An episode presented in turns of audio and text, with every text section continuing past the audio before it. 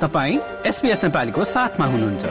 अरू रोचक सामग्रीहरूका लागि SBS dot com dot slash Nepali जानुहोस्।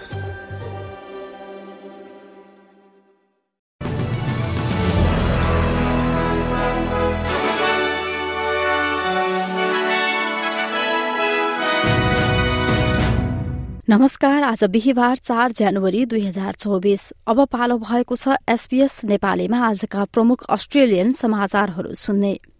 प्रसंग शुरू गरौं न्यू साउथ वेल्समा जारी भएको स्वास्थ्य सतर्कताबाट।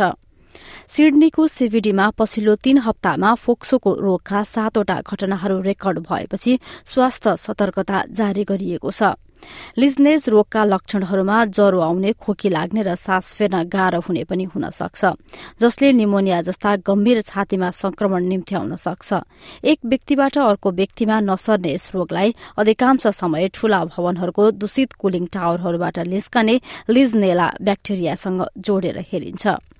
यता अस्ट्रेलिया सरकारले रेड सीमा आक्रमणहरू तुरन्त अन्त्य गर्न आह्वान गरिएको एक संयुक्त विज्ञप्तिमा हस्ताक्षर गरेको छ।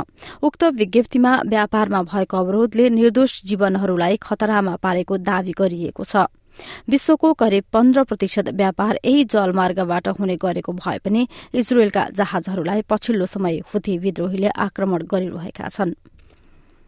अब भिक्टोरियातर्फ लागौं। सन् दुई हजार चौबिसको शुरूआतमै भिक्टोरियामा सड़क दुर्घटनामा एक बालकको मृत्यु भएको छ। जिलङबाट करिब दस किलोमिटर पश्चिममा दुईवटा कारहरू आपसमा ठोक्किँदा सो बालकको मृत्यु भएको हो भने अन्य पाँचजना गम्भीर घाइते भएका छन्। दुर्घटनाको अनुसन्धान जारी छ। अब अन्तर्राष्ट्रिय समाचारमा इरानमा उच्च सैन्य कमाण्डर क्वासिम सोलेमनीको अन्त्येष्टि समारोहमा भएको विस्फोटमा परि एक सय तीनजनाको मृत्यु भएको छ। श्रृंखलाबद्ध रूपमा भएको दुई विस्फोटमा अन्य दुई सय एघार जना घाइते भएका छन्। अब खेलकुदमा टेनिस अस्ट्रेलिया युनाइटेड कपको सेमी फाइनलमा प्रवेश गरेको छ। एलेक्स डी मिनरले विश्व वरियताका नम्बर एक खेलाड़ी नोवाक जोकोभिकलाई छ चार र छ चारको सोझो सेटमा हराउँदै अस्ट्रेलियाको स्थान सेमी फाइनलमा सुरक्षित गरेको हो। हस्त एसपीएस नेपालीबाट आजको प्रमुख समाचार यति नै। सुरक्षित रहनुहोस्। नमस्ते।